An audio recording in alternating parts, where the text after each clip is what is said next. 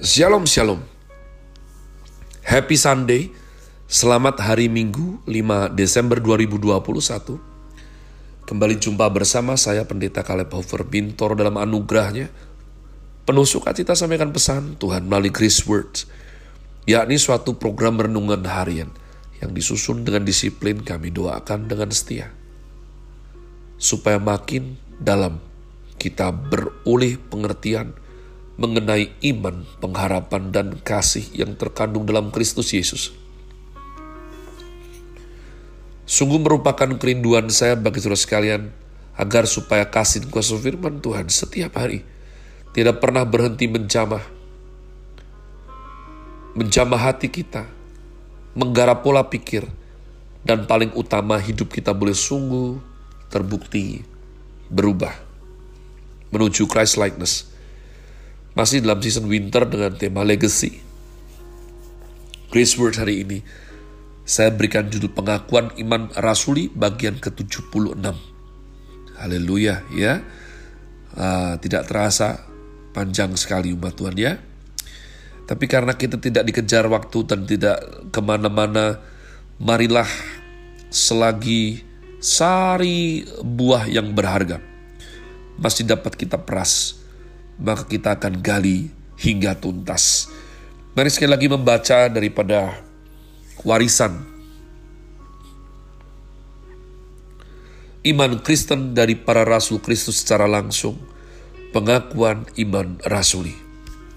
Aku percaya kepada Allah, Bapa yang Maha Kuasa, Khalik langit dan bumi. Aku percaya kepada Yesus Kristus anaknya yang tunggal Tuhan kita yang dikandung dari Roh Kudus, lahir dari anak darah Maria, yang menderita sengsara di bawah pemerintahan Pontius Pilatus, disalibkan, mati dan dikuburkan, turun dalam kerajaan maut. Pada hari yang ketiga, bangkit pula dari antara orang mati. Naik ke surga, duduk di sebelah kanan Allah Bapa yang Maha Kuasa dan dari sana ia akan datang untuk menghakimi orang yang hidup dan yang mati.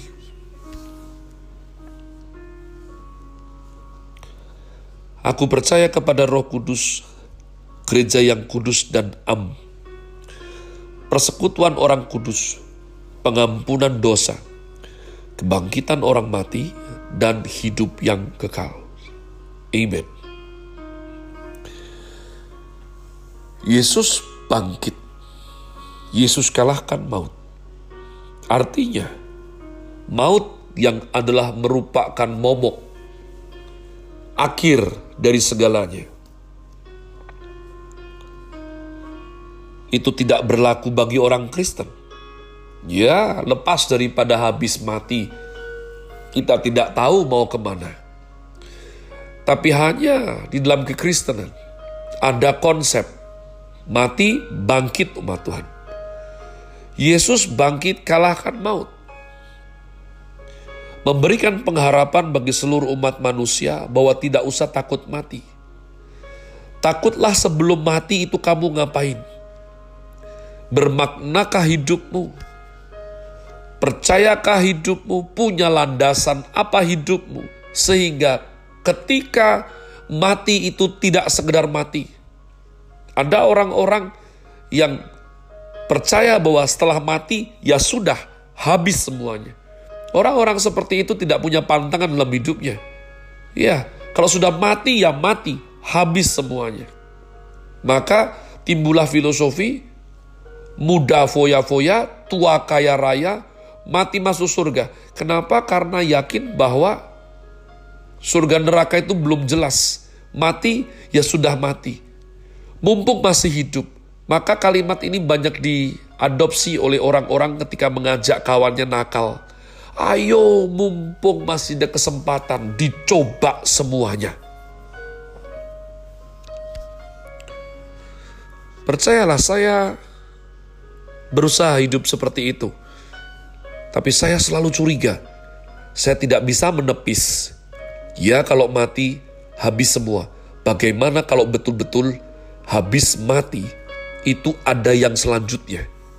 Bagaimana kalau seperti itu?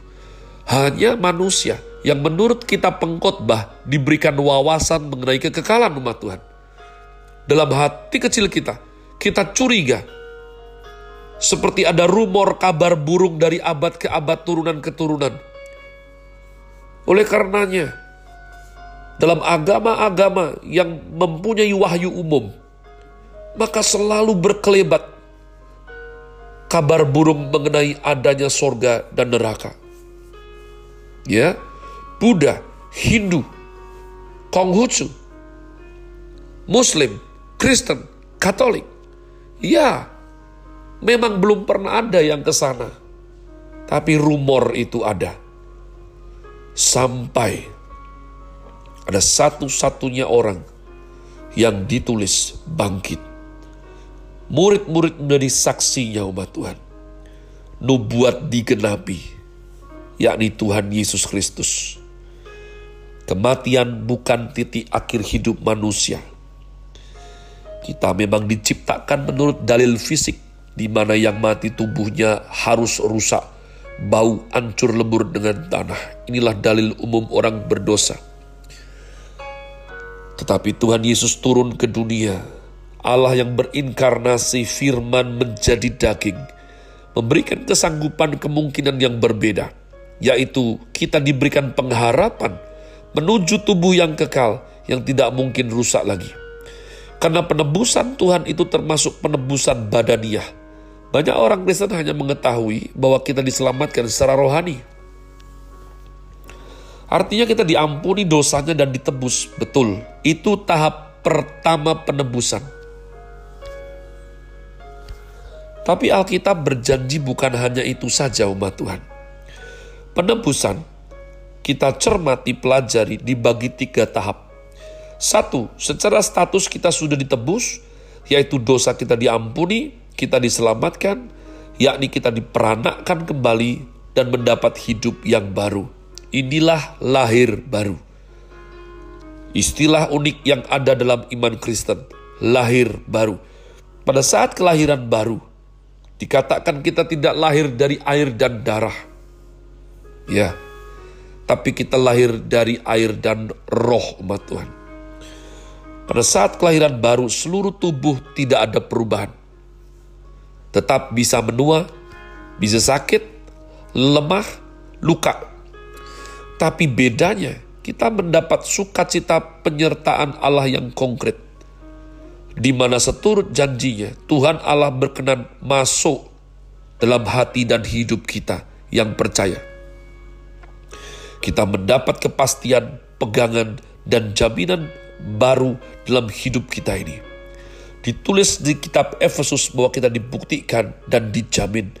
Bagaikan seseorang membeli rumah baru bayar uang muka. Bayar uang muka dan sudah mendapat surat jaminan bahwa rumah itu miliknya meskipun belum lunas demikian dengan keselamatan dari Tuhan ketika Tuhan Yesus menebus dan memperanakkan kita kembali itu merupakan tanda atau materai dari Roh Kudus yang memberikan kita jaminan bahwa kita sudah ditebus dan dibayar lunas dengan darah Kristus. Kita menjadi milik Tuhan. Tahap pertama ini terjadi serentak, Tuhan. Ya, yang kedua, pembersihan roh kita yang terus-menerus tiada henti-hentinya. Tiap hari darah Kristus membersihkan, mengkoreksi, mengampuni kita. Tuhan Yesus berkata, Aku tidak meminta engkau mengambil mereka dari dunia. Tetapi aku minta agar engkau melindungi mereka dari yang jahat. Yohanes 17 ayat yang ke-15. Tahap pertama sudah secara status diselamatkan, diperanakkan, dan dijamin boleh disebut sebagai anak-anak Allah. Tetapi kita masih hidup di lingkungan para pendosa. Godaan iblis berlangsung setiap waktu, setiap hari. Maka perlu kita berdoa bersandar roh kudus tiap hari dalam berperang melawan dosa. Dalam Galatia Fatsal 5, roh kudus berperang dengan nafsu agar engkau tidak mudah melakukan apa yang diingini dagingmu. Jika engkau mau menjadi seorang Kristen, maka harus berani menanggung, membayar harga sebagai orang Kristen. Tak seorang pun yang mutlak suci dan tidak bisa berdosa. Para rasul, bapak-bapak gereja, dan semua umat kudus mengalami hal ini, berperang dengan diri tiap-tiap hari. Kesalahan teologis John Wesley adalah ia beranggapan di dunia ini kita bisa menjadi suci dan tidak berdosa lagi. Ini salah. Alkitab mengatakan selama hidup di dunia, kita yang sudah menjadi Kristen akan terus berperang dengan hawa nafsu, godaan daripada iblis, pengalihan dari dunia ini, dan harus senantiasa bersandar kepada Roh Kudus. Manusia harus membayar harga untuk terus mentaati Roh Kudus dan berperang terus-terusan melawan godaan dunia. Maka istilah teologi untuk hal tersebut adalah progressive sanctification. Pengudusan yang berkelanjutan. Pengkudusan yang progresif.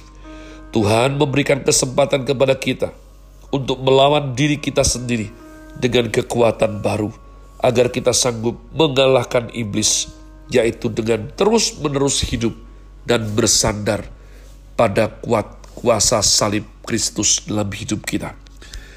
Saya akan lanjutkan dua hari ke depan. Saya berdoa sungguh-sungguh kau mendapatkan sesuatu dari suatu kenyataan Tuhan Yesus sudah kalahkan maut. Maka engkau dan aku boleh hidup dalam kuasa kebangkitannya. Sekali lagi happy Sunday. Tuhan Yesus memberkati saudara sekalian. Sola Gracia.